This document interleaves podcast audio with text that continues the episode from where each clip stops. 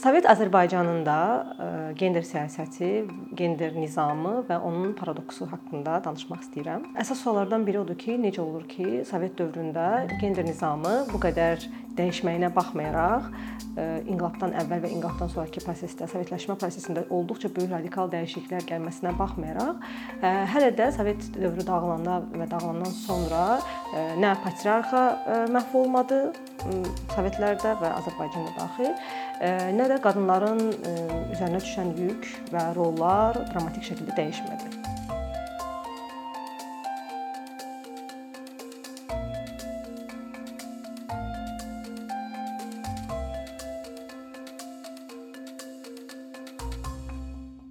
Sovet gender paradoksu deyilən deyiləndə Sovetlərin gender nizamını dəyişmək üçün gətirdiyi reformlar, islahatlardan danışır. Hansı ki, bu islahatlar inqilabın daxilində baş vermişdi. İnqilabdan əvvəlki nizamı simvolik və material nizamı dəyişmək üçün islahatlar baş verdi və bu islahatlara görə qadınlar həm Azərbaycanda, həm bütün periferiyalarda və mərkəzdə əvvəlki rollarından fərqli rollar götürməyə başlamışdılar. Yəni müəyyən ənənəvi rollar ki, qadınlar üçün həmin dövrdə biçilmişdi, artıq sovetləşmə başlayandan sonra radikal şəkildə dəyişirdi. Qadınlar artıq istehsal işində işləməyə başlayırdılar. Qadınlar artıq ictimai məkanları götürürdülər, ictimai məkanlarda görünürlü olmağa başlayırdılar. Məsələn, müsəlman periferiyalarda qadınlar artıq başlarını açmağa başlayırdılar başlayırdılar. Boşanmaq e, izni olmuşdu. E, daha sonra e, abort abortu leqallaşdırılmışdı və və digər digər bir çox radikal islahatlar baş vermişdi. Bu çox böyük dəyişiklik idi. Yəni o dövr üçün xüsusilə 1917-dən sonra, inqilabdan sonra və illər keçdikdə, yəni xüsusən də inqilabın ilk dövründə və 20-ci illərdə bu çox böyük, çox radikal dəyişikliklər idi. Bütün dünya üçün əslində çox böyük dəyişikliklər idi və Azərbaycan kimi milli dövlət yeni yaranan yerdə, yəni Qafqazda və həm milli şuurun, həm də sinfi şuurun yeni-yeni inkişaf elədiyi yerdə bu dəyişikliklər özü ilə bərabər konflikt yaratmışdı. Bu konflikt xüsusilə də Azərbaycan kimi müsəlman periferiyalarda ənənəviçiliklə modernliyin arasındakı olan konflikt idi. Və biz bu konflikti xüsusilə də qadınların rolunda və qadınların təmsilçiliyində görürük. Çünki 1921-ci ildə Azərbaycanda yazıb oxumağı bacaran cəmi 1% e, qadın var idi. Yəni bu 1%-dən də hətta aşağı və bu rəqəm əslində çox böyük şey deyirdi. Qadınların təhsil almaq hüququ yox idi. Onlara e, evlilik yaşı olduqca aşağı yaş e, var idi. Yəni 13 yaş, 14 yaşına evləndirə bilirdilər. Bu yaşı Sovet dəyişdi məsələn. Və ümumiyyətlə qadınların qadınların köləliyi belə deyək Sovet dövründən qabaqki köləliyi dəyişməyə başladı. Artıq qadınlar inqilab prosesinin içərisində aktiv şəkildə rol almağa başlamışdılar. Bu bunu həyata keçirən Sovetin Janatdel adlanan qadın departamenti həyata keçirirdi. Yəni bu siyasət oradan gəlirdi. Sovetin inqilabdan sonrakı siyasəti. Və onu Azərbaycanda yerli klublar həyata keçirirdi. Məsələn, klublardan biri Əli Bayramov adına klubdur, hansı ki, Bakıda fəaliyyət göstərirdi və həmin klub regionlarda da fəaliyyət göstərirdi. Üzvləri var idi və orada qadınlar aktiv şəkildə həm inqilabi ideyaları yayırdılar, həm də qadınların azadlığı üçün mübarizə aparırdılar. Yəni bu iki şey paralel şəkildə əslində gedirdi. Və Janatdinin əsas ideya, ideoloji dayağı olan, yəni adamlardan biri məsələn Kalantay idi, hansı ki, o çox radikal reformlar təklif edirdi. Bunların içərisində ə, məsələn adi məsələlər vardı. Tutam aliment məsələsi. O deyirdi ki, aliment ə, məsələsini elə eləmək lazımdır ki, qadınlar kişidən asılı olmasın ondan boşanandan sonra. Çünki alimenti adətən verən tərəf kişi olur. Yəni praktikada bu belə idi və o deyirdi ki, bu bir, bir növ qadının kişidən asılılığını azaltmır, əksinə nə olsun ayrıldılar, yenə də qadının kişidən asılılığını çoxaldır. Bir növ patriarxiyaya dəstək olur bu proses. Ona görə təklif edirdi ki, kollektiv fondlar yaradılsın və bu fondlar tərəfindən uşaqlara maliyyə ayrılsın. Və yaxud da o qayğı işindən danışanda deyirdi ki, uşaq böyütmək işi təkcə qadının işi olmamalıdır və ya təkcə bir nəfərin, iki nəfərin işi olmamalıdır. Kollektiv uşaqlar kollektiv şəkildə böyüdülməlidir, icma tərəfindən böyüdülməlidir və bu həmin o əvvəlki gender münasibətlərini, ailənin üzərinə düşən rolları dəyişəcək o zaman. Yəni biz əgər patriarxiya ilə mübarizə aparmaq istəyiriksə, bunları həyata keçirməliyik. Təəssüf ki, Kalantayın verdiyi bu təkliflər həm alimentlə bağlı, həm uşaq böyütməklə bağlı və digər-digər bir çox fikirlər, bunlar partiyanın öz daxilində əslində müsbət qarşılanmırdı. Yəni biz əslində görürük ki, Azərbaycan kimi periferiyalar və ümumiyyətlə Sovet dövründə Sovetin içərisində olan müxtəlif periferiyalara iki cür münasibət var idi, problem var idi. Hansı ki bu problem bu dediyimiz gender paradoksunu yaradırdı. Birinci problem o idi ki, e, bütün bu islahatlar, bütün bu e, dəyişikliklər və əmrlər belə deyək, mərkəzdən periferiyalara gəlirdi. Yəni Moskvadan əmr olunurdu ki, bu siyasət bu cür həyata keçirilsin və o gəlirdi Bakıya, Bakıdan da bu cür həyata keçirilirdi. Bu iyerarxiyanı görmək olur. Yəni mərkəz periferiya iyerarxiyasına hərçənd ki, ümumi mənada düşünəndə bu feminist bir təkliflər idi. Yəni bu təkliflər olduqca radikal feminist təkliflər idi, amma gəlirdi mərkəzdən periferiyaya və periferiyada artıq ə, müqavimət başlayırdı buna. Çünki periferiyalar bunu rahatlıqla bu dəyişiklikləri qəbul edə bilmirdi. E, ikinci problem isə partiyanın öz daxilində, yəni mərkəzin öz daxilindəki iyerarxiyalar idi. Orda artıq biz kişi dominantlığını və partiyanın içində olan qadınların kişilərə olan subordinasiyasını görürük. Yəni Kalantay eləmək istədiyi dəyişiklikləri ona görə eləyə bilmirdi ki, bir növ e, partiya daxilindəki kişilərin dominantlığına və onların e, qərarları ilə bəzən e, getməli olurdu və biz onu sonradan görürük ki, artıq Stalin gələndən sonra həm Jannateli ləğv edir, həm Kalantayı və digərlərini counter revolutionary adlandırır, yəni əks inqilabçılar adlandırır. Əslində Sovetin məncə bu dövrü, yəni o dəyişiklik dövrü, yəni inqilabdan əvvəlki dövr və ilkin sovetləşmə dövrü ən maraqlı dövrdür baxmağa ki, nə baş verdi. Yəni bu qədər dəyişiklik birdən-birə bu qədər böyük bir dəyişiklik baş verdi. Amma necə oldu ki, bunlar sonradan yavaş-yavaş itməyə başladı. Stalin dövründə yenidən ənənəviçilik geri qayıtdı. Yəni artıq dediyim kimi janatlerin fəaliyyəti dayandırıldı. Janatlerin fəaliyyəti dayandırıldı. Artıq onun yerlərdəki klublarının da fəaliyyəti dayandırılmışdı və eynən də Azərbaycanda Əli Bayramov klubunun fəaliyyəti dayandırılmışdı.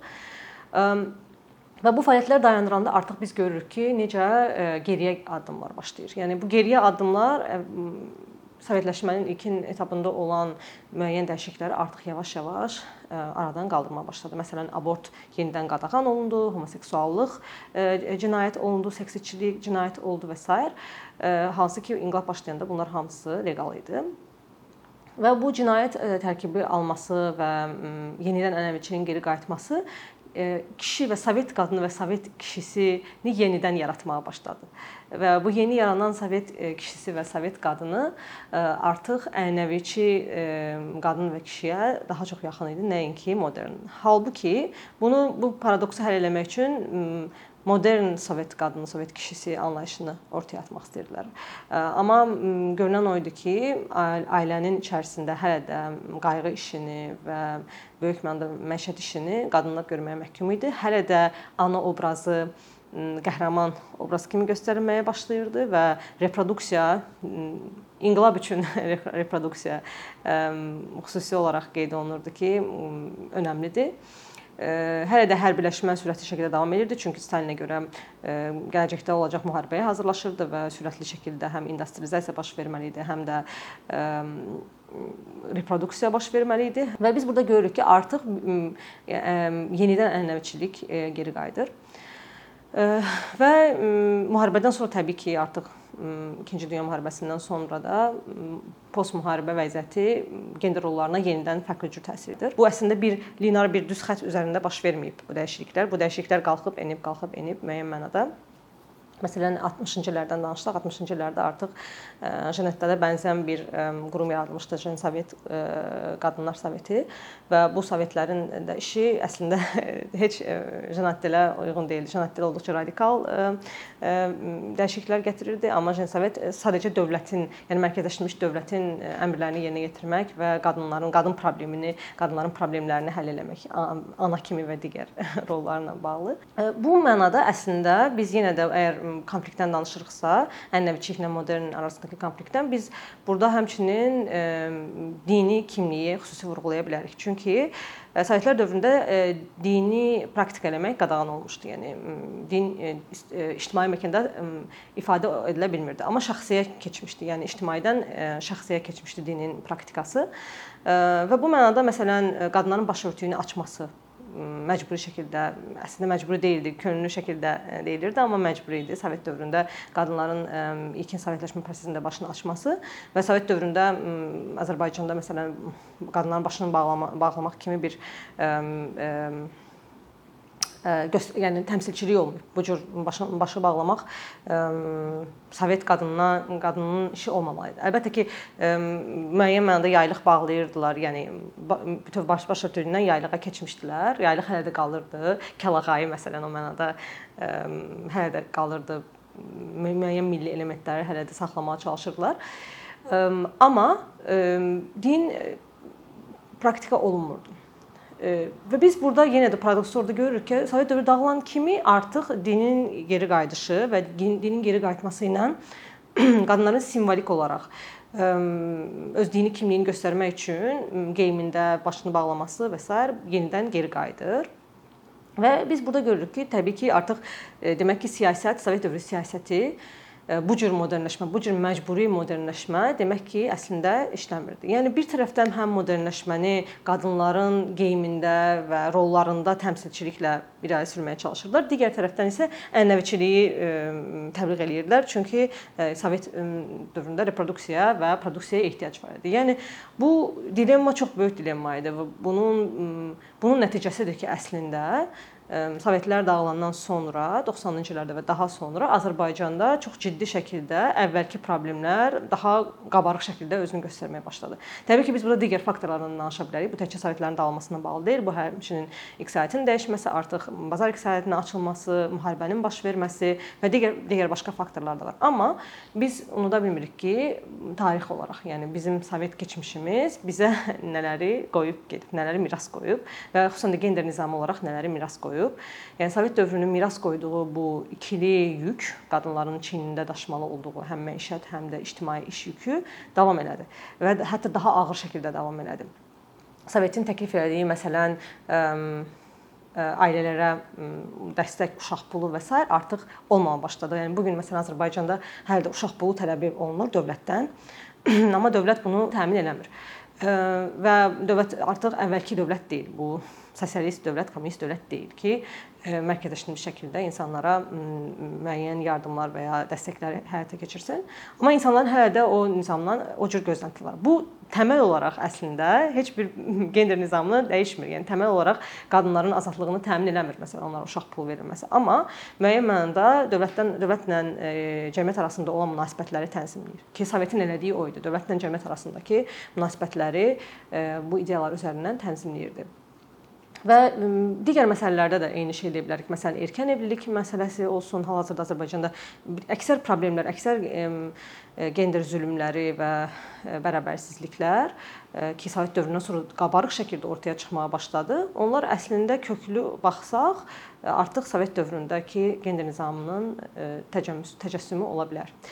Amma dediyim kimi biz buna belə ümumi bütöv baxırıq hal-hazırda. Mənim bu çıxışım bütövlükdə Sovet gender siyasətinə baxır Azərbaycanda, amma bu 70 ildə baş verən ümumi bütöv siyasətdən deyil. Yəni hər dövrdə ayrı-ayrı fərqli siyasətlərin bir növ nəticəsidir. Və Azərbaycan kimi müsəlman periferiyalarda bunu xüsusi vurğulayıram müsəlman periferiyası, çünki din üzərindən gələn ənənəviçilik və onun ləğvi üçün Sovetin yeritdiyi siyasət işləmədi. Və bu əslində çaxnaşma bu geriyə müqavimət belə deyək, insanlar tərəfindən, cəmiyyət tərəfindən olan geriyə müqavimət Sovetin gətirmək istədiyi siyasətdən daha güclü çıxdı və əslində Sovet dövləti özü kooptasiya elədi, uyğunlaşdırmağa çalışdı siyasətini bu periferiyalara. Paralel şəkildə də Sovet öz ideallarını əvvəldən deyə bilərik, məsələn, marksist feminist ideallarının hamısının üzərindən özü əslində bir növ xətt çəkmiş oldu. Yəni e, dövlətin gücünü azaltmağa, e, kolonializmə qarşı, imperializmə qarşı e, və patriarxiyaya qarşı olmalı olan bir inqilabi proses çevrildi, oldu imperiya, dövlət və patriarxanı məhv edə etməyə qadir olmayan bir struktur, bir güc.